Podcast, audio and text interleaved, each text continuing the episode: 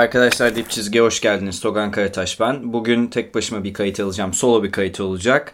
Efecan Yavaşgel ve e, Orçun Anat Demiröz ne yazık ki müsait değil. Fakat program atlamamak için, sizi NBA bölümünden mahrum bırakmamak için e, tek başıma bir kayıt gerçekleştireceğim. Umarım memnun olursunuz. Sanırım Dip Çizgi tarihinde de bir ilk olacak diye hatırlıyorum eğer yanlış hatırlamıyorsam. Şimdi e, benim seçtiğim birkaç konu var bugünkü podcast üzerine. Fakat önce e, sıcak gündemden başlamak istiyorum. E, bildiğiniz gibi Houston Rockets San Antonio Spurs maçı gündemde. San Antonio Spurs 135-133 iki uzatma sonunda çok güzel bir maç sonunda e, Houston Rockets'ı yenmeyi başardı ve e, kendisi açısından çok kritik bir galibiyet aldı. Böylece işte 8. galibiyete çıkmış oldu. Houston ise 7. mağlubiyetini almış oldu. Bu maçta skor e, normal süre içerisinde 89-102 iken e, Harden'ın sayılmayan bir smacı var. Siz de görmüşsünüzdür muhtemelen. Birazcık fizik kanunlarına bildiğimiz fizik kanunlarına azıcık aykırı hareket etti top ve filenin etrafından dolanarak tekrardan e, kaçmış gibi göründü. Hakemler de bunu e, kaçırdı. E, dolayısıyla bu smaç sayılmadı. E, iki sayısı yenmiş oldu Harden'ın ve Houston'ın. E, bu süre içerisinde bildiğiniz gibi koçların bir challenge hakkı var. Pozisyon içerisinde yapılabilecek bir 30 saniye içerisinde bir itiraz hakkı var koçların NBA'de kural bu yönde. Protesto edebiliyorsunuz kararı. En azından yeniden izlenmesini isteyebiliyorsunuz. Challenge hakkı deniyor bu. Bu ne kadar doğru ne kadar yanlış bunun tartışmasına girmiyorum ama kural bu yönde. E, fakat o arada yani skor verilmemişken, hakemler yanlış bir karar vermişken Houston bench'i ve D'Antoni protesto halinde fakat resmi bir e, challenge talebinde bulunmadığı söyleniyor. D'Antoni ben tekrar izlenmesini istedim ama hakemler kaçırdı gibi bir açıklama da yaptı. Fakat benim gördüğüm resmi bir istek yok. En azından görüntülerden bunu gördüm. Dolayısıyla kritik bir şansı e, kaybetti Houston bu anlamda. Fakat bununla birlikte maça e, itiraz edileceği ve maçın yeniden oynanması ya da son 7 dakikasının yeniden e, oynanması isteneceği yönünde çeşitli söylentiler var. NBA bununla ilgili nasıl karar verir bilemiyoruz. 48 saat içerisinde bunun belli olması bekleniyor. En azından 48 saat içerisinde başvuruların tamamlanmış olması bekleniyor. Yani ben kaydı alırken e, Houston Rockets başvurusunu resmi olarak yapmış olabilir. Bu işin peşini bırakacaklarını pek zannetmiyorum.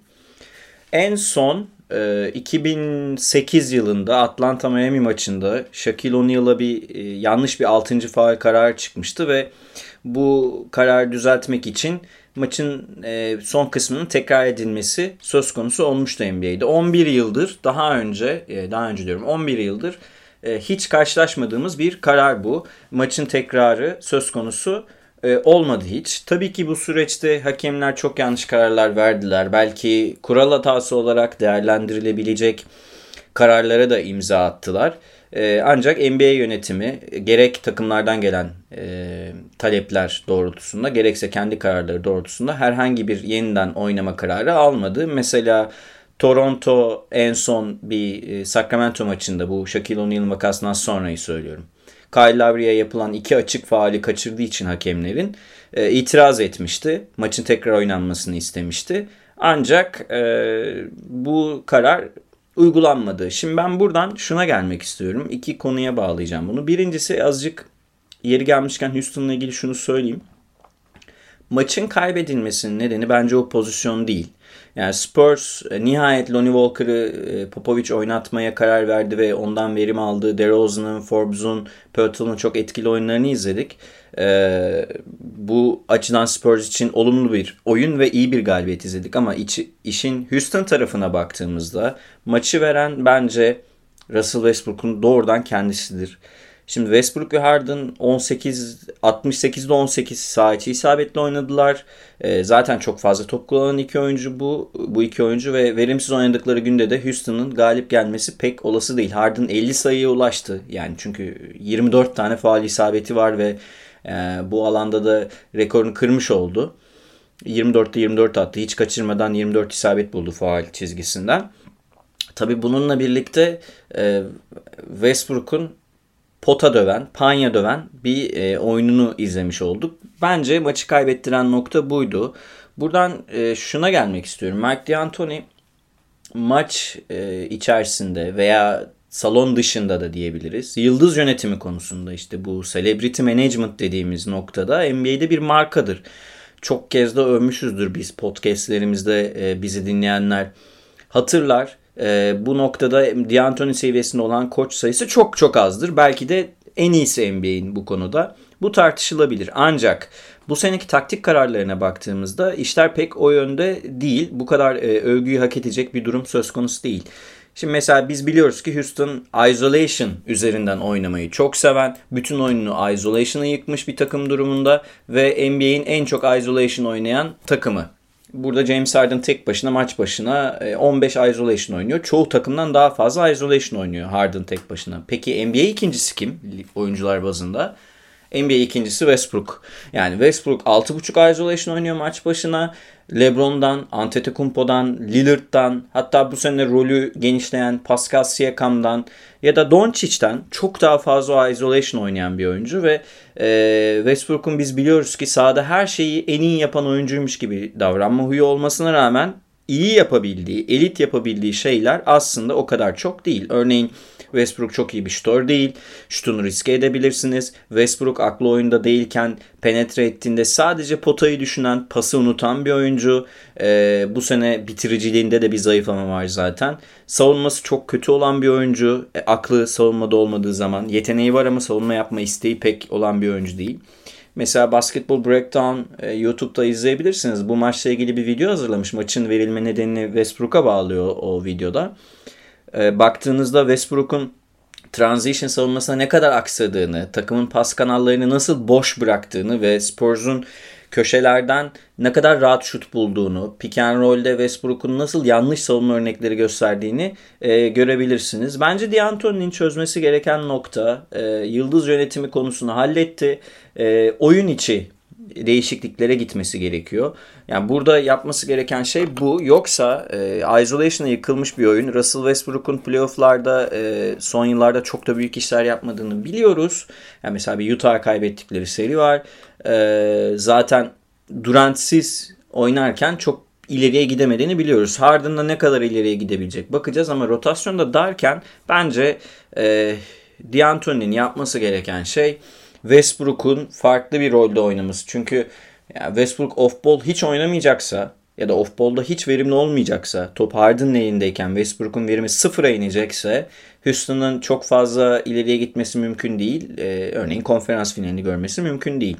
Şimdi e, bu konuyu e, Houston'ı birazcık kısa bir değerlendirmeden sonra sonra geri döneriz. Geçiyorum. Şeye gelmek istiyorum. Bu hakemlerin yanlış kararı. Bu sene hakemler e, gerçekten çok kötü. Çok fazla yanlış karara imza attılar. Nitekim en son e, Lakers Utah maçında e, LeBron'un çok açık bir stepsini görmediler. Hani e, Twitter'da siz de görmüşsünüzdür dalga geçirdi. Lig LeBron'un ligi kral kendi liginde kendi kurallarıyla oynuyor diye.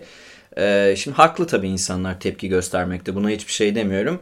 E, sadece söz konusu LeBron olunca biraz nefretin seviyesi artıyor. Bunu anlamış değilim. LeBron sağ içinde ve dışında öyle çok nefretlik hareketler yapan biri olmadı bence hiçbir zaman ama LeBron'a çok fazla nefret var ligde. Bunun nedenini pek çözebilmiş değilim.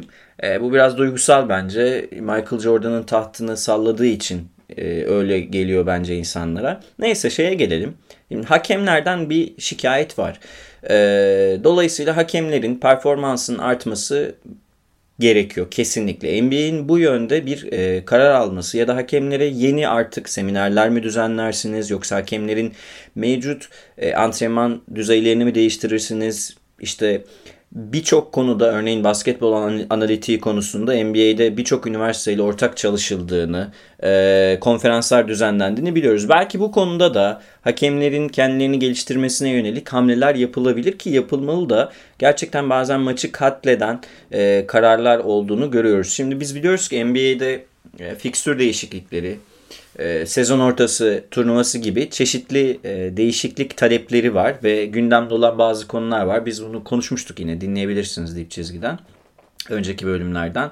Bence asıl değişmesi gereken şey birinci noktada yani sezon ortası turnuvası veya fikstür değişikliği değil hakemler.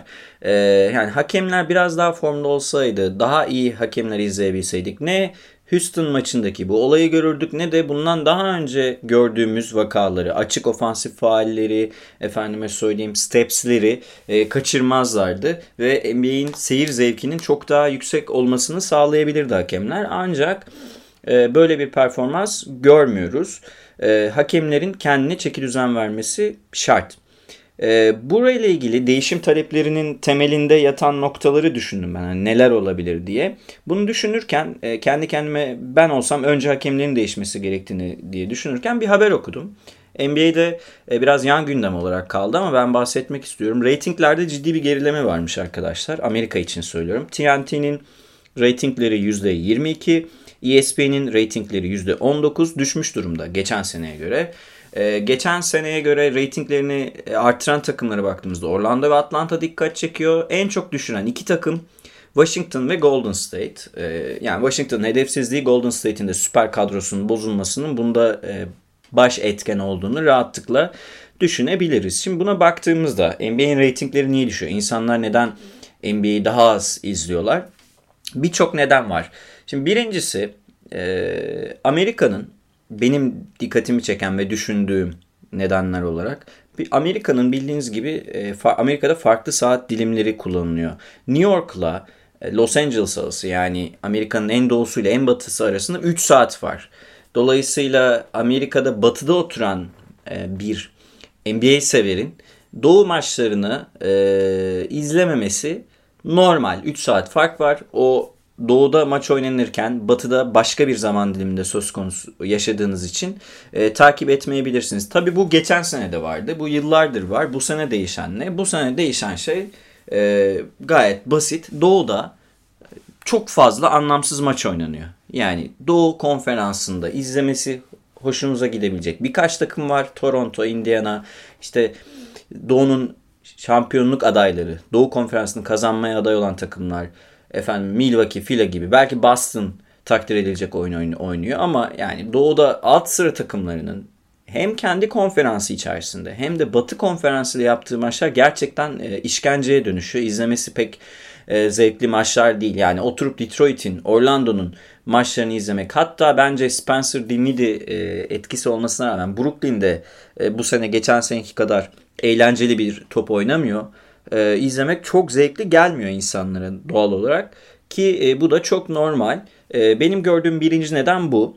E, hakem faktörü sonrası birinci neden bu. Çünkü hakem kararlarının maçı sinirlenip maçı kapatmaya neden olacak kadar kötü olduğunu söyleyebilirim bu sene.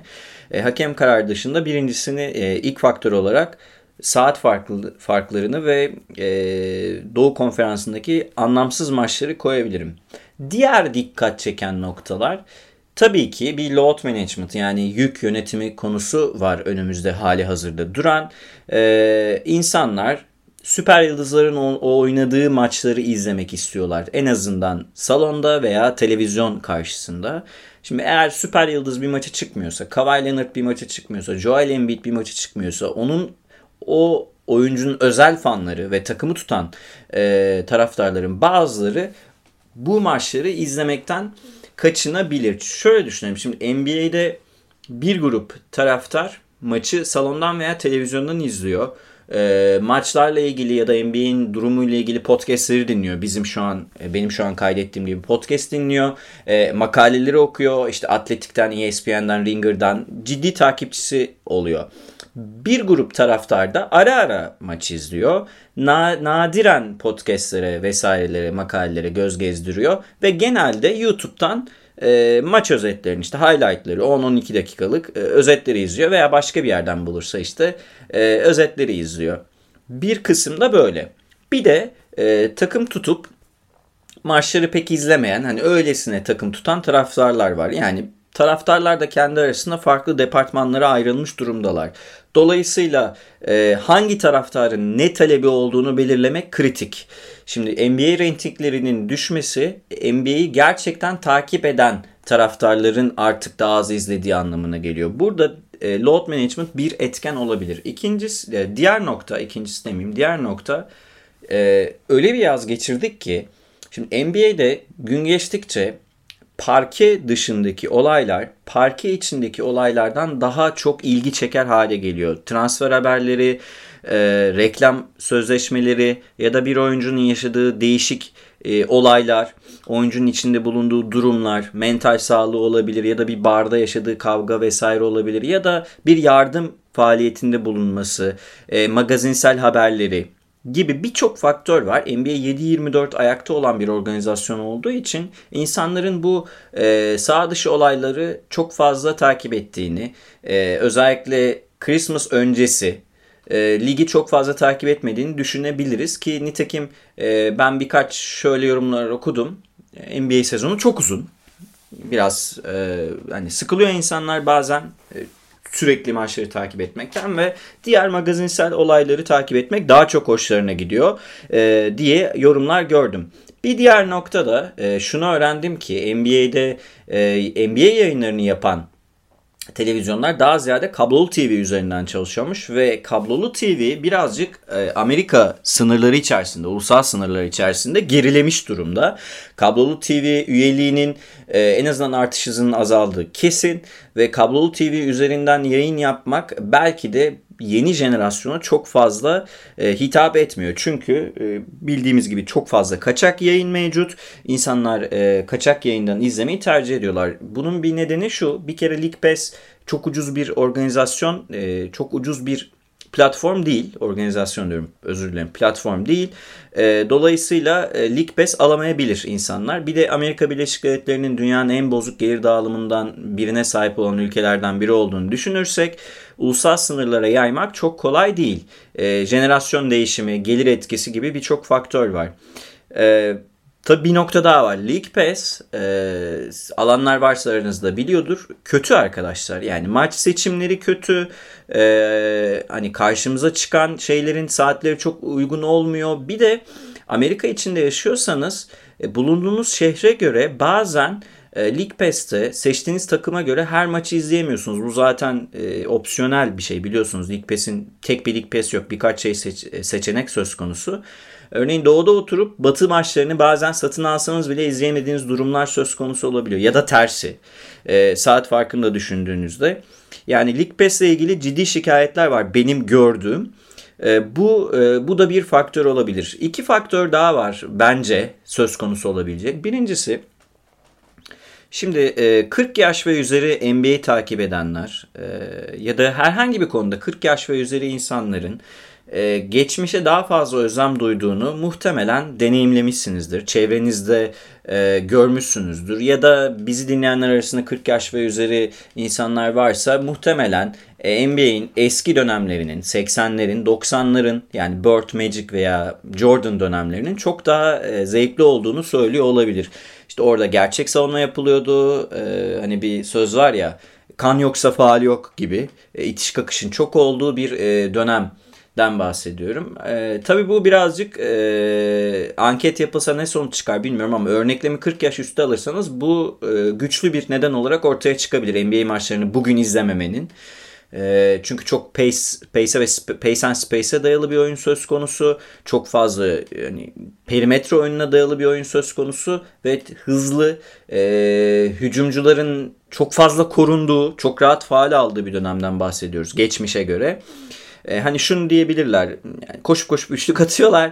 E, bu oyun benim pek ilgimi çekmiyor diyebilirler, diyebilenler olabilir. Ama ben bunun genç jenerasyonda çok da e, negatif bir faktör olarak öne çıktığını düşünmüyorum. Birazcık yaş skalasına ilişkin bir e, Amerika içinde bir anket yapmak isterdim. Tabii ne cevap çıkıyor diye ama benim en azından tahminim uluslararası arenada, uluslararası NBA takip edenler yani Avrupa'da, Asya'da, e, Güney Amerika'da NBA'yi takip eden gençlerin e, üçlük yoğun oyundan çok şikayet ettiğini düşünmüyorum ki ben yani 30 yaş üstü bir NBA takipçisi olarak bundan şikayetçi değilim. Hatta e, hep şeyi düşünmüşümdür yani keşke Larry Bird gibi, Reggie Miller gibi oyuncular şu dönemde oynasaydı e, muhtemelen o dönemdekinden çok daha e, verimli olurlardı. E, ben şeyde değilim biliyorsunuz yani o işte bu dönemin oyuncuları geçmişte oynayamaz veya geçmiş dönem oyuncuları bu dönemde oynayamaz gibi e, düşünce yapısında olan biri değilim. Büyük oyuncuların oyunlarını dönemin şartlarına rahatlıkla adapte edebileceğini düşünenlerdenim. Ayrıca 80'lerdeki 90'lardaki oyuncu konforuyla şimdiki arasında ciddi fark var. Ve bir nokta daha NBA reytingleri niye düşmüş olabilir? Ya da mesela siz geçen seneye göre daha mı az maç izlediniz bilmiyorum. Belki de birçok Türkiye'den NBA'yi takip eden e, birçok NBA severin hoşuna gitmeyen bir şey vardı. Golden State bütün maçları kazanıyor. Çok süper bir kadrosu var. E, hani sıkıcı. Normal sezonda izlemenin hatta bazen playofflarda bile izlemenin bir anlamı yok diye. Şimdi buna baktığımızda e, futbolda mesela çok fazla rekabet istenen bir şeydir. Ama basketbolda bu pek öyle olmayabiliyor. E, bu sene her en azından 4-5 takımın şampiyonluk şansı var ve ligi domine edebilecek bir süper kadro yok. Birçok takımın 2-3 tane yıldızı var ve bu yıldızlar gününde olduğunda e, diğer takımları hepsini eleyebilirler. Yani sürpriz bir şekilde Clippers'ın veya Lakers'ın Lakers'tan birinin konferans finaline kalmadığını veya doğudan gelen bir takımın NBA şampiyonu olduğunu pekala görebiliriz. E, en yüksek olasılık bu olmasa da böyle bir şey mümkün. Fakat Amerikalılar açısından düşündüğümüzde şu açık ki Amerikalılar e, süper takımları arkadaşlar toplamı açısından söylüyorum NBA'yi takip edenlerin seviyorlar. Şu yüzden seviyorlar. Jordan dominasyonu mesela çok ciddi rating alan bir dönemdi. Chicago Bulls'un 90'lardaki reytingi çok yüksekti. 98 e, finaliyle yani Jordan'ın ikinci emekliliğini e, aldığı finalle, 6. şampiyonunu aldığı finalle 99 finali arasında yani Spurs New York finali arasında %10-15 e, civarında bir rating farkı var. Amerikalı basketbol severler, NBA izleyenler e, birazcık dominant takım izlemeyi seviyorlar. Benim gördüğüm bu. Biz e, Türkler olarak başka türlü düşünüyor, düşünüyor olabiliriz veya Avrupalılar başka türlü düşünüyor olabilir. Fakat e, böyle bir gerçeklik söz konusu. Bunu şuradan da anlayabiliriz. Bildiğiniz gibi birçok hani bandwagoner diye bir kavram var yani işte X takımının trenine atlamak. Normalde e, bir takımı tutmasa bile o dönem en güçlü olan takımı tutan bir sürü insan var dünyada. E, buna kızmıyorum. Bu olabilir. Yani bir süre Chicago Bulls'lu olan insanlar vardı. Bir süre işte Kobe Bryant nedeniyle Lakers tutanlar vardı. Belki Spurs'un dominant olduğu dönemlerde Spurs tutanlar olmuştur. İşte Big Three döneminde Boston'ı tutanlar olabilir. İşte Golden State döneminde de Golden State'i tutan aslında Golden State'de olmayan bir sürü insan vardı. Mesela geçen sene Golden State'i izleyenler bu sene e, Bowman'ın, Paschal'ın oynadığı işte Glenn Robinson III'ün oynadığı kadroyu e, izlemek istemiyorlar. Bu e, normal yani gerçekten Golden State'de olan bundan 15 sene önce de Golden State'de olan insanlar bu sene de izliyordur muhtemelen maçları. Gerçekten o takıma gönül vermiş olanları söylüyorum. Fakat ortalama bir NBA izleyicisi hani klasmanları ayırmıştım ya ara ara böyle maçları izleyen nadiren maça giden insanlar için dominantlık önemli. E, bu da bir faktör. Tabi NBA reytinglerinin düşmesi, hakemlerin kötü olması NBA'de bir takım huzursuzlukların e, var olduğunu gösteriyor. E, var olduğu anlamını çıkartabiliriz buradan. Bence burada değişmesi gereken şeyi iyi kodlamak gerekiyor. Değişmesi gereken şey şu an için acilen değişmesi gereken şey bence fikstür veya yeni getirilecek bir sezon ortası turnuvası değil e, hakemler ve NBA'yi nasıl daha izlenir kılarız. Örneğin e, Çin meselesinde kesinlikle çözülmesi gerekiyor. Uluslararası e, reytinglerinin de düştüğüne eminim. Çünkü Çin'de NBA'yi takip eden kişi sayısı Amerika'nın toplam nüfusundan daha fazla bildiğiniz gibi. E, dolayısıyla NBA yönetimi yakın gelecekte bahsettiğim konular üzerine e, adım atacaktır diye tahmin ediyorum. Çünkü mesela bu hakem hataları playoff'ta olursa, bir iki pozisyonda biten maçlarda olursa e, ciddi sıkıntı çıkar. E, hepimiz biliyoruz ki işte 2002'de, 2008'de Houston'ın ve Sacramento Sacramento Lakers işte Houston'ın serileri, 2002'de Sacramento Lakers serisi, Batı finali, 2008'de de Houston'ın playoff'lardaki serilerinde neler yaşandığını biliyoruz. Küçük bir araştırmayla siz de bulabilirsiniz. E, o günlere geri dönmemeyi umuyorum. NBA sever olarak hani hak edenin kazandığı hakemlerin maça imza atmadığı, koçların ve oyuncuların imza attığı bir NBA izlemek istiyorum açıkçası. Evet, e, şimdi sıcak gündemi e, değerlendirdim. Benim seçtiğim bir konuya gelmek istiyorum arkadaşlar. Utah Jazz'i konuşmak istiyorum. Bundan sonra bir konuyu daha e, bir konu daha var seçtiğim. Şimdi Utah 12 galibiyet, 10 mağlubiyet ile Batı'da 6. sıraya gelmiş durumda. Sırasıyla Toronto, Philadelphia ve Lakers'a kaybettiler. 3 maç üst üste kaybettiler. E, işler pek iyi gitmiyor. Ligin hep en iyi savunmasın yani ligin en iyi 2-3 savunmasından birine sahip olmasını beklediğimiz ve yıllardır da böyle olan Utah e, savunma verimliliğinde defensive ratingde 10. sıraya inmiş durumda. Hücum verimliliği zaten sıkıntılı bir takım 24. sıradalar ve net ratingde eksideler. Yani offensive rating 105, defensive rating 105.2, net ratingde eksi 0.2. Şimdi Utah seçme nedenim şu. Ee, bildiğiniz gibi Mike Conley geldi bu sene. Boyan Bogdanovic geldi ve kağıt üstünde baktığımızda Conley, e, Donovan Mitchell, Bogdanovic gibi perimetre oyuncuları olacak. Bench'ten gelmesi beklenen bir Joe Ingles olacak. Çok tehlikeli bir perimetre. Rudy Gobert gibi hali hazırda da ligin muhtemelen en iyi çember savunucusu diyebileceğimiz en azından çoğu insanın böyle düşündüğü bir e, pivot varken Utah'ın önü en azından normal sezonda açık olacak diye tahmin ediyorduk. Fakat işler pek öyle olmadı arkadaşlar. E, Toronto maçında Pascal Siakam'ın 35 sayısı var. Fila maçında Tobias Harris'in 26 sayısı var. Lakers maçında da LeBron ve Anthony Davis ikisi birden 20 sayının üzerine çıktı. Caldwell Pope'un da 14 sayısı var. Şimdi bu, bunu şu yüzden seçtim. Utah Jazz fizikli forvetleri Siakam gibi, Tobias Harris gibi fizikli forvetleri hiç savunamıyor. E, hele bir Toronto maçı oynadılar. İlk yarıda 40 sayı gerideydi Utah. Fileye karşı da direnemediler. Lakers'a karşı da direnemediler ve forvetle eşleşme sorunu var. Şimdi forvette 3 ve 4 numarada özellikle 4 numarada kim savunma yapabilir kısmına baktığımızda. Şimdi Joe Ingles, Boyan Bogdanovic, Royce O'Neal ve Jeff Green gibi forvetler var elimizde. Şimdi Joe Ingles ve Boyan Bogdanovic e, biri oyun kuran kanat oyuncusu hatta iki numarada oynayabilir. iki buçuk numara. Diğeri bir spot up şutör. Yani hücum mantaliteli iki oyuncu baktığımızda. Royce O'Neal ve Jeff Green takımın e, savunma yükünü çekebilecek iki oyuncu olarak baktığımızda öne çıkıyorlar. 4 numarada. Royce O'Neal uzun süre zaten ilk 5 çıktı. Fakat şöyle bir sorun var. Royce O'Neal arkadaşlar 1.93. Yani e, çok uzun bir forvet değil. Jeff Green'e geliyorum. Jeff Green 2.03 ama Jeff Green de bir e, rahatlıkla güvenebileceğiniz bir oyuncu değil 4 numarada. Tıpkı Royce O'Neal gibi. Son maç e, genelde jo- Royce O'Neal ilk 5 çıkıyordu. Son maç Jeff Green ilk 5 çıkardı Quinn Snyder. E, şunu rahatlıkla söyleyebilirim. Geçen sene birçok NBA yorumcusu tarafından hatta Türkiye'de de ezber bir şekilde eleştirilen modern basketbola uymuyor, şutu yok diye e, tırnak içerisinde bunu söyleyeyim gömülen e, fakat bizim savunduğumuz Derek Favors'ı arıyor Utah Jazz. Arıyor gerçekten arıyorlar. Savunma kısmında özellikle çok fazla arıyorlar. Şöyle düşünün. Quinn Snyder takımın sorunlarını çözme konusunda usta bir koçtur. Ee, özellikle All-Star'a doğru ve All-Star'dan sonra takımın ciddi bir çıkış yapması mümkün. Bu hala e, masada. Quinn Snyder NBA'nin en iyi 5 koçundan biri belki.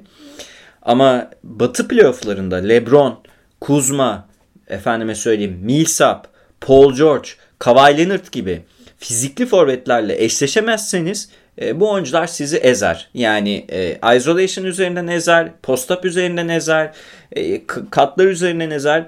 E, işte Siakam'ın Tobias Harris'in yaptığı gibi rakibin 3 numarasından 4 numarasından 30 sayı yiyebilirsiniz bir gecede ve bu sizin için ciddi sorun. Şimdi savunma kısmına devam etmek istiyorum. Şu yüzden e, savunmadan başladım Utah'ta. Utah deyince hep savunma aklımıza gelir biliyorsunuz. Utah Jazz ligin e, arkadaşlar. Savunma sadece 4 numaradan ibaret bir sorun değil. Bütün takımın savunması aksıyor. Perimetre savunmasında ciddi bir sorun var. Ligin en az deflection yapan 3 takımından biri. Yani birebir savunmada rakibi top çalma ve blok yapmadan bozma demek bu. Öyle çevirebiliyorum. Direkt bir karşılığı yok çünkü Türkçe.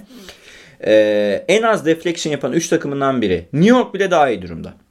Bakın yani dağınık, e, Fizdale'in gitmesi an meselesi olan, kimin oynadığı belli olmayan, karma karışık bir rotasyonu olan New York, e, Utah Jazz'dan bu alanda, bu istatistikte daha iyi durumda. Kötü olan iki takım var. Tahmin edersiniz ki biri Cavs, diğeri de Portland. Yani o da Lillard ve McCollum'un perimetrede hücum odaklı oyuncuları olması. E, geçen sene Deflection'da ilk ilk 6-7 takımdan biriydi Utah. Yani Utah birebir savunmada Utah'lı oyuncular rakibi bozamıyorlar. Devam ediyorum. Ligin en az top çalan ikinci takımı, ligin en az blok yapan beşinci takımı, durumunda Utah savunma istatistiklerinde ve savunma mücadelesinde e, maçları da izlerseniz göreceksiniz. Rakibi rahatsız etmiyorlar. Pas kanallarını tıkamıyorlar. Rudy Gobert dışında savunmada gerçekten korkabileceğiniz bir oyuncu yok Utah'ta. Evet, geleceğim yani Kanye, Donovan Mitchell'e de geleceğim. Reboundlarda da öyle çok iyi bir reboundçı takım durumunda değil artık. İşte bunlar hep Derek Favors etkisi. E, reboundlarda da 16. sıraya kadar gerilemiş durumdalar. Yani hücum mantaliteli bir 5 ile oynamak yani Conley, e, Mitchell, Boyan, Royce O'Neal ya da Jeff Green ve Gobert'le çıkmak. iki tane savunma mantaliteli, üç tane hücum mantaliteli e, oyuncuyla oynamak. Özellikle perimetrenin tamamen hücuma kafayı takması. E, Utah'ın savunmasını çok düşürmüş durumda ve kendi seviyesindeki takımlara karşı yani Utah'ın e, en azından Lakers'a, Philly'e ve Toronto'ya e, diş göstermesi gerekiyor. Playoff'larda bir şey, bir başarı hedefleniyorsa. Yoksa Utah te, sürekli yani Utah'ın asıl rakibi işte Phoenix değil, Minnesota değil bildiğimiz gibi. En azından beklentiler bu yönde. Ki şunu unutmayalım Utah e, bir ara ligi e, batıyı kazanabilir mi tartışmaları vardı bir, e, bir dönem yazın. Çok verimli, efektif skorerleri aldığı için. O tartışmadan şu an epey uzaktalar. Quinn Snyder bunu nasıl çözecek bilmiyoruz. Çözülmesi gereken ciddi savunma problemleri var Utah Jazz'ın. Şimdi hücum kısmına gelelim.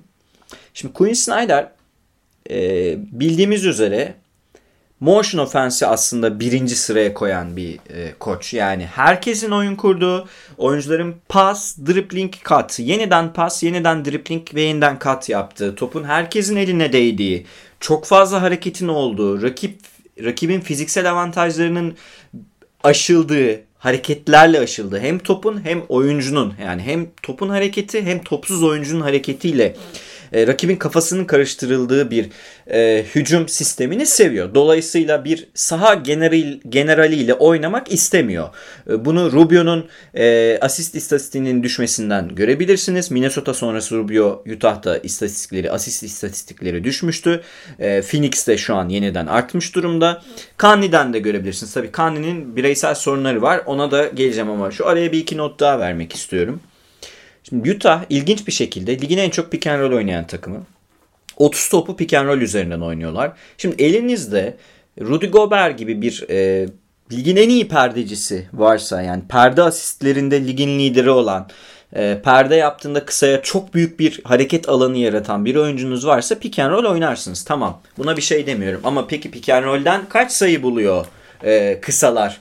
Utah'ta sadece bir pozisyon başına 0.83 sayı buluyorlar. Arkadaşlar bu istatistik epey kötü bir istatistik. Bunun bire yaklaşması lazım ki Utah'ın verimli pick and roll oynadığını söyleyebilirim. Yoksa pick and roll oynayan ama aslında bunu verimli oynamayan dolayısıyla e, bir yerden sonra da savunulması kolay olan bir takım haline geliyorlar. Geçen sene mesela geçen seneye göre 5-6 top daha fazla pick and roll oynuyorlar. E, ve geçen seneye göre daha verimsiz sayı çıkartıyorlar pick and roll'den. 0.05 düşmüş durumda. Yani %5 daha verimsizler ve daha hem daha fazla oynayarak daha az verim elde ediyorlar. Bu da Utah'ın hücumunu aksatıyor tabii ki. Utah e, beklendiği kadar iyi bir hücum takımı olabilmiş durumda değil. Ayrıca geçen seneye göre ve alıştığımız Quinn Snyder sistemine göre topun kıymetini daha az bilen bir Utah'la karşı karşıyayız. Toplarının yüzde yani hücum esnasında topların %16'sını kaybediyorlar. Kendi top 50 elindeyken topların. Bu alanda ligin en kötü 5 takımından biri Utah Jazz. Şimdi kadroya baktığımızda bunu hak etmiyor aslında Utah Jazz'in taraftarları en azından onu söyleyeyim. Ve tabii bir e, sorun daha var. E, hareket o kadar daralmış durumda ki Utah Jazz'da. Geçen seneye göre katlar çok ciddi bir düşüş göstermiş durumda. Geçen sene e, Donovan Mitchell'in oyun kurma kabiliyetinden kısmen faydalanıp Rubio'nun, Mitchell'in yaptığı katlar üzerinden, Ingles, Ingles'ın yaptığı zaman zaman top elinde değilken yaptığı katlar üzerinden ciddi sayı çıkartıyordu Utah. Bu sene e, maç başına 4 kat daha az yapıyorlar. Daha doğrusu sayıyla sonuçlanan kattan bahsediyorum.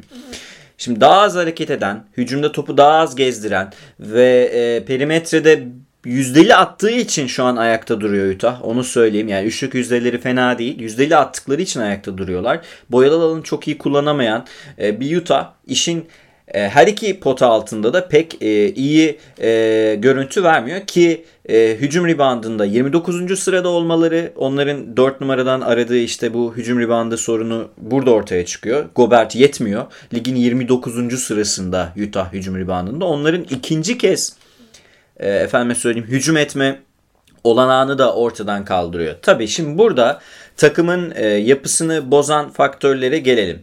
Şimdi iki oyuncu kariyerlerinin en kötü sezonunu yaşıyorlar. Birincisi Mike Conley. Geçen seneye göre sayısının ve asistinin gerilemesini kısmen bekliyorduk.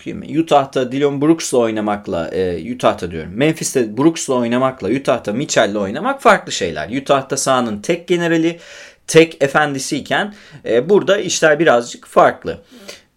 7 sayı daha az atıyor, 1.5 asist daha az yapıyor. Fakat daha önemlisi sayısı toparlanacaktır. Daha önemlisi sadece %36.5'la şut atıyor Mike Conley. Mike Conley Quinn Snyder'in sistemine henüz alışabilmiş değil. Off-ball oyununu geliştirmesi gerekiyor. Snyder'in sisteminde var olabilmesi için en azından top Mitchell'in elindeyken, oyunu o yönlendirirken köşede veya forvette topsuz oyunda çok verimli şut, şut çıkartıyor olması gerekiyor ve hareket ediyor olması lazım. Şimdi Kandi'nin böyle bir alışkanlığı yok arkadaşlar. Mike Conley yıllarca Memphis'te topu elinde tutan oyuncu olarak oynadığı için ve kendi bitirdiği için şimdi hiçbir zaman 10 asiste çıkmadı Conley ortalama. Ee, buna alışması çok kolay değil. Ee, Snyder'le Conley'nin birbirlerini övdüğünü biliyoruz. Çeşitli açıklamalar yapıyorlar karşılıklı ama oyun e, şablonlarını oturup daha fazla konuşmalarına ihtiyaç var. Belki e, daha fazla idmana da ihtiyaç var. Şimdi NBA sezonu çok yoğun. Arka arkaya maçlar oynanıyor. Bunu yapmak çok kolay değil ama bu şart. Yani Conley eğer off-ball oyununu geliştirmeyecekse ve bu kadar yüzdesiz atacaksa Utah e, Utah'ın 32 milyon dolar bağladığı yani Memphis'teki kontratını aldı biliyorsunuz. Bir oyuncu e, hani bu sezonun hayal kırıklıklarından biri olacak anlamına geliyor. E, Conley sorunu ortada. Conley e, birazcık toparlanırsa Utah'ın hücumunun da toparlanacağına eminim. Diğer e, oyuncu e, bizim özellikle Efecan ve benim çok sevdiğim Avustralya milli takımında da izlediğimiz e, oyun aklını çok beğendiğimiz ağır bir oyuncu olmasına rağmen çok fark yaratan Joe Ingles tıpkı Conley gibi %36 ile şut atıyor. Şimdi Ingles geçen senelerde ilk 5'ten gelen bir oyuncu olarak aslında sahada ikinci ball handler olarak oynuyordu. Yani ikinci oyun kurucu olarak bir nevi işte Efes'teki Kurno Simon gibi. Şimdi baktığımızda bench'e gitmiş durumda. Bu da çok normal çünkü Boyan Bogdanovic geldi. Daha skorer bir oyuncu. Ee, bench'teki rolünü kabul etmiş değil. Umarım e, Joe Ingles da Conley gibi toparlanır. Çünkü yani benim izlediğim son 5-6 sene izledim en kötü Joe Ingles. Yani Maccabi'de falan izlerken bile e, bu kadar kötü bir sekansını hatırlamıyorum. Yani 10, 12, 10, 22 maç oynamış durumda Utah. 22 maçtır hala e, izlediğimiz iyi Joe Ingles maç sayısı 2 filandır. E, dolayısıyla böyle bir sorun var. E, Ingles ve Conley'nin acilen toparlanması lazım. Quinn Snyder'in önünde e, çözmesi gereken e, bir sorunsal olarak duruyor bu iki oyuncunun verimsiz oyunu. Ve tabi Donovan Mitchell. E, Donovan Mitchell Conley'nin varlığı şuna yarıyordu arkadaşlar. Conley verimsiz oynasa bile Donovan Mitchell'in üstündeki yükü aldığı için Mitchell daha yüzdeli oynuyordu saha içinde. Conley e, son maç oynamadı ve Mitchell'in yüzdesi düştü. Ve şunu da söyleyelim. Donovan Mitchell son birkaç maçta top kullanma oranını artırdı. Biraz daha sahanın tek hakimi gibi oynamaya başladı. Quinn Snyder bunu istedi mi yoksa Mitchell mi bu rolü spontane olarak aldı buna emin değilim ama Donovan Mitchell e, Steph Curry veya James Harden değil. Kullandığı top oranı artarsa şut yüzdesi düşecek bir oyuncu ki nitekim bu olmuş durumda. Şimdi Utah, e, Utah'la ilgili notlarımı bitirmeden şunu söylemek istiyorum. Rudy Gobert'in boyalı alan savunması e, onları kısmen ayakta tutuyor. Yani Rudy Gobert e, boyalı alanda rakibin e, rakip hücumcuyu bu kısa olabilir uzun olabilir e, rakip hücumcunun şut yüzdesini %10 civarında düşüren bir oyuncu ve e, tepede kısalar e, delinince kısmen kısaları da karşılayabilecek bir oyuncu. E, faal civarında karşılayamaz belki ama boyalı alanda örneğin Westbrook gibi delen bir gardı, işte Kemba Walker gibi potaya gidebilen bir gardı rahatlıkla bozabilen bir oyuncu. Do- Dolayısıyla Gobert'in şut karşılama konusunda isyan edeceğini düşünmüyorum. Ee, iyi yaptıkları bir şeyi söyleyeyim. Rudy Gobert'in varlığı yani o perde asistleri ve çok rahat e, alan bulmaları Boyan Bogdanovic'e yaramış durumda. Şimdi Boyan Bogdanovic geçen sene kariyerinin en iyi sezonunu yaşadı NBA'de. Indiana'da e, Oladipo'nun sakatlığı sonrası skoru sırtlandı ve 20 sayının üzerine çıktı. Bu sene de e, 21 sayı ortalamayla oynuyor Boyan Bogdanovic perimetrede büyük bir tehlike yaratmış durumda ve takımı skorda ayakta tutan ikinci oyuncu olarak e, varlığını devam ettiriyor. Gober'in varlığından faydalanıyor e, ve Utah'ın sistemi Boyan Bogdanovic'e çok fazla yaramış durumda. Özellikle herkesin topa dokunması ve Bogdanovic'in yaptığı boş koşular bu alanda uzmandır Bogdanovic çünkü. E, Bogdanovic'in skorunu e, yükseltti ve bu tabii Utah'a yarıyor. E, Bogdanovic ki şunu da söyleyelim e, takımın en iyi en iyi oyuncusu olmamayı olmadığı için daha az top kullanmayı bilen bir oyuncu ve takımı artı yazdıran bir oyuncu. Büyük kazanç. Fakat e, Rudy Gobert'in varlığı yani yılın en iyi savunmacısı yine olabilir Gobert ama Utah bu kadar kötü savunma yaparken olamaz. E, Gobert'in varlığı, e, efendime söyleyeyim Boyan'ın skorer oyunu, e, Conley, Ingles bu kadar kötü oynarken, Donovan Mitchell sene başına göre şut yüzdesini düşürmüşken e, ve savunmada bu oyuncular perimetrede delinirken çok rahat deliniyor çünkü Utah. E, bu iki oyuncunun varlığı Gobert ve Boyan Bogdanovic Utah kurtarmaz arkadaşlar. E, ve şunu da söyleyelim. E, Utah mesela Quinn Snyder'in çok sevdiği pas üzerinden oyunu e, yapamamasının göstergelerinden biri de şu. Utah sayılarının sadece %59'unu e, asist üzerinden buluyor. Bu ligin en kötü 5 istatistiğinden biri. Bu alan topu en az paylaşan sadece bu istatistik özelinde top paylaşma anlamı çıkmaz ama e, buna bir göstergedir. En az paylaşan takımlardan biri olduğunu söyleyelim. E, acilen Kanne'nin, Ingles'ın toparlanması gerekiyor. Quinn Snyder artık sistemini mi değiştirecek? E, ben pek sanmıyorum. Biraz inatçıdır o konuda Quinn Snyder hoca. Pick and roll'e yığılsa da oyun hala motion offense e, ezgileri ister. E, Kanne'den off ball isteyeceğini e, bu konuda direteceğini düşünüyorum. Kanye'nin toparlanması lazım. Hafif bir sakatlığı var. Dönecektir muhtemelen. Joe Ingles'ın toparlanması lazım. Aksi takdirde Utah Jazz için playofflarda sorun yaşanacağı söyleniyordu. Ama baktığımızda normal sezonda da sorun yaşayabilecek bir takım haline gelmiş durumdalar. Özellikle bu 3 seri mağlubiyetten e, sonra. Son e, şunu söyleyeyim Utah'la ilgili.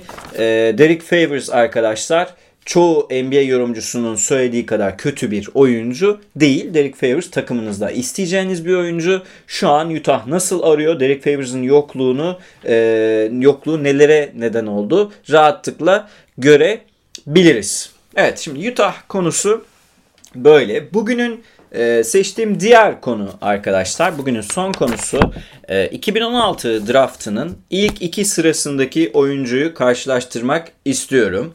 Şimdi baktığımızda e, Ben Simmons birinci sıradan seçilmişti 2016'da. Brandon Ingram 2016 draftında ikinci sıradan seçilmişti. E, ben son geçen hafta şöyle yorumlar gördüm. Brandon Ingram e, Ben Simmons'tan iyi. E, efendime söyleyeyim e, Brandon Ingram'ın üzerine takım inşa ederim ama Ben Simmons'ın üzerine inşa etmem gibi. Birkaç yorum okudum Ringer'da vesaire bir iki yerde.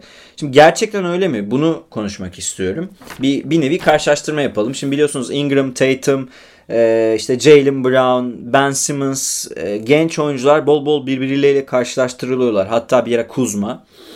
Kuzma tabii o seviyede değil şu an. Bakalım gerçekten durum öyle mi? Şimdi Brandon Ingram için söylenen şey şuydu. Ya Kevin Durant gibi bir süper yıldız olacak ya da e, Çin Ligi'ne gidecek. Arası yok. Yani ya çok iyi bir oyuncu olacak ya da kötü bir oyuncu olarak kariyeri sonlanacak. Ingram beklentilere bu sene yanıt vermiş durumda. 25 sayı, 7 rebound, 4 asist gibi bir istatistiği var. %41 ile üçlük atıyor ilginç bir şekilde ve faali de %83. Şimdi baktığımızda Zion Williamson'ın sakatlığı en çok Brandon Ingram'a yaramış durumda. Çok rahat top kullanıyor, özgüvenini kazanmış durumda ve Pelicans'ın e, Alvin Gentry bu sene benim beklentilerimin altında kaldı. E, karmaşık rotasyonunda en çok parıldayan oyuncu konumunda. Şimdi peki bunu nasıl yaptı? Şöyle yaptı. Şimdi baktığımızda her şeyi yapabiliyor aslında. Pick and roll'de topu elinde tutabilen bir oyuncu olarak e, oynayabiliyor. Spot up şutu var. Clutch'ta size skor katkısı verebiliyor. Daha da güzeli Isolation'ı verimli oynayabiliyor. Şimdi ligin e, en çok Isolation oynayan 7. oyuncusu sanırım. Evet 7. oyuncusu 4.2 Isolation oynuyor ve Isolation konusunda e, pozisyonu itibariyle yani Damian Lillard gibi efendime söyleyeyim işte James Harden gibi elit isolation'ları bir kenara koyarsak isolation'dan e, bulduğu sayı mesela LeBron'un üzerinde pozisyon başına sayıdan söylüyorum. 1.03 sayı buluyor isolation'da. Çok verimli bir e, hücum silahı haline dönüşmüş durumda. Ayrıca 2 numara, 3 numara ve 4 numara oynayabilmesi, onun çok yönlü e, oyunu savunmada da işe yarıyor. Çünkü fizikli bir oyuncu olduğu için e, gerektiğinde birçok pozisyonu savunabilen, adam değiştiğinde e, mismatch yaşamayacak bir oyuncu e, haline gelmiş durumda. Son şeyi karşılaştırmayı en son yapacağım. Birazcık şeyden bahsedeyim. Ben Simmons yani Ingram çıkışta. Ben Simmons ise geriledi bu sene. Ee, geçen seneye göre evet bir tane üçlük attı New York maçında ama e, hem istatistik olarak hem de canlı gözle izlediğinizde oyuna katkı olarak e, geçen seneki Ben Simmons'ı izleyemiyoruz. Şimdi baktığımızda skoru birazcık gerilemiş durumda. 13 sayı 8 rebound 7-8 asist ortalamasıyla oynuyor. Ee, ben Simmons şu e, noktada anlaşalım arka anlaşalım diyorum yani ben kendi kendime konuşuyorum bazen böyle. Ee, ben Simmons'ın şöyle bir e, açmazı var bence. Gerçekten Ben Simmons'ın geleceği Embiid'le mi yazılacak? Şimdi e, Brandon Ingram size clutch'ta skor veriyor. Ama ben Ben Simmons'ın biraz fazla eleştirildiğini düşünüyorum bu sene. O kadar kötü bir oyuncu değil. Indiana ve Utah maçında savunmada çaldığı toplara dikkat ederseniz özellikle Indiana maçının sonunda maçı kazandırdı çaldığı toplarla. Dikkat ederseniz Ben Simmons size NBA'de hiçbir guard'ın, hiçbir bir numaranın vermeyeceği bir savunma katkısı veriyor bir kere. Size'lı bir oyuncu.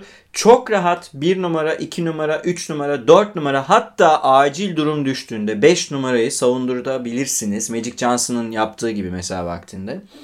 Ve e, bunu yaparken çok fazla top kullanmayan bir oyuncu hücumda ve çok fazla top kullanmadığı için de arıza çıkarmayan bir oyuncu. Ben hala e, Ben Simmons'ın Brandon Ingram'dan e, işin savunma kısmında çok daha verimli bir oyuncu olduğunu, çok daha faydalı bir oyuncu olduğunu düşünüyorum. Daha iyi reboundçı, daha iyi e, rakibi bozan bir oyuncu, e, size çok ciddi sıkıntı yaratacak bir oyuncu. Örneğin şimdi rakibin gardı kısa bir oyuncuysa işte mesela Kemba Walker gibi bir guardsa onlara bela olacak bir oyuncu ve sizin elinizi rahatlatan bir oyuncu. Filanın fizikli beşi de pozisyonuna göre en uzun olan oyuncu Ben Simmons. Şimdi eğer Ben Simmons'ı e, otomatikman Brandon Ingram'dan kötü dersek birazcık haksızlık yapmış oluruz.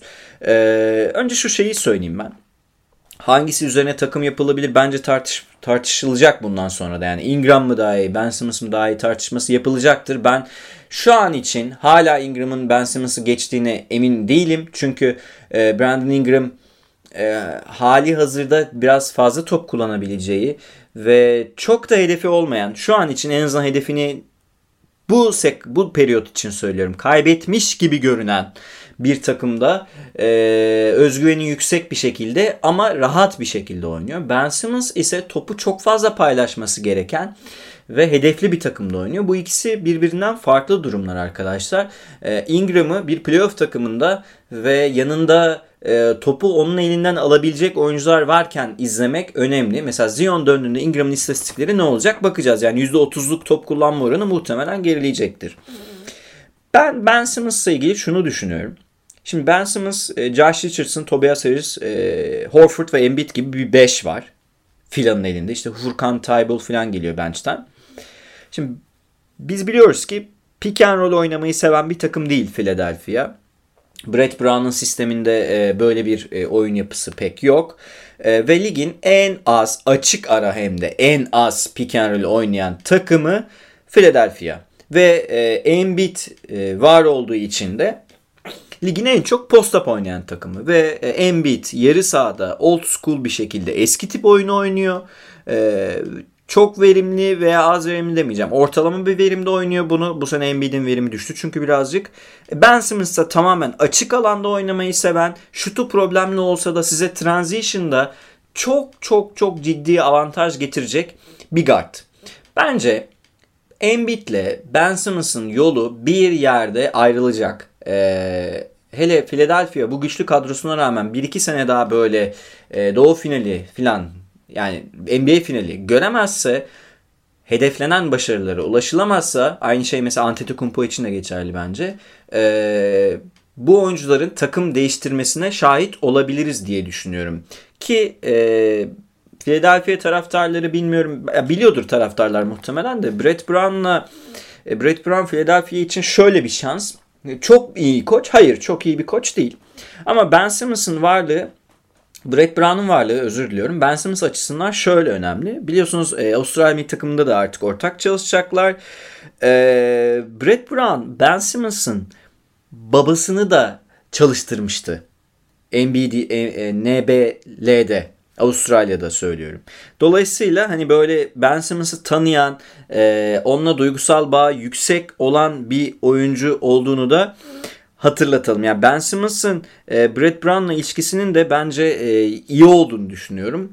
Belki bu kadroda e, ilk giden oyuncu kim olacak bilmiyorum. Tabi bu şu an birazcık totolojiye girdi. Ben böyle kendi kendime bir takas senaryosu duruyorum. Belki Ben Simmons olur. Belki örneğin e, Ben Simmons'la X takımı bir e, guard takası yapar ya da başka bir takas söz konusu olabilir ama e, henüz ben, Ingram Ben Simmons'tan iyidir demenin e, demek için yeterli veriye sahip olmadığımızı düşünüyorum. Çünkü Ben Simmons iyi kötü size 2 senedir ciddi katkı veriyor. Ingram daha henüz bir buçuk iki aydır e, istenilen seviyede top oynuyor ve e, baskı altında Lakers'ta çok da iyi işler çıkarmadığını biliyoruz.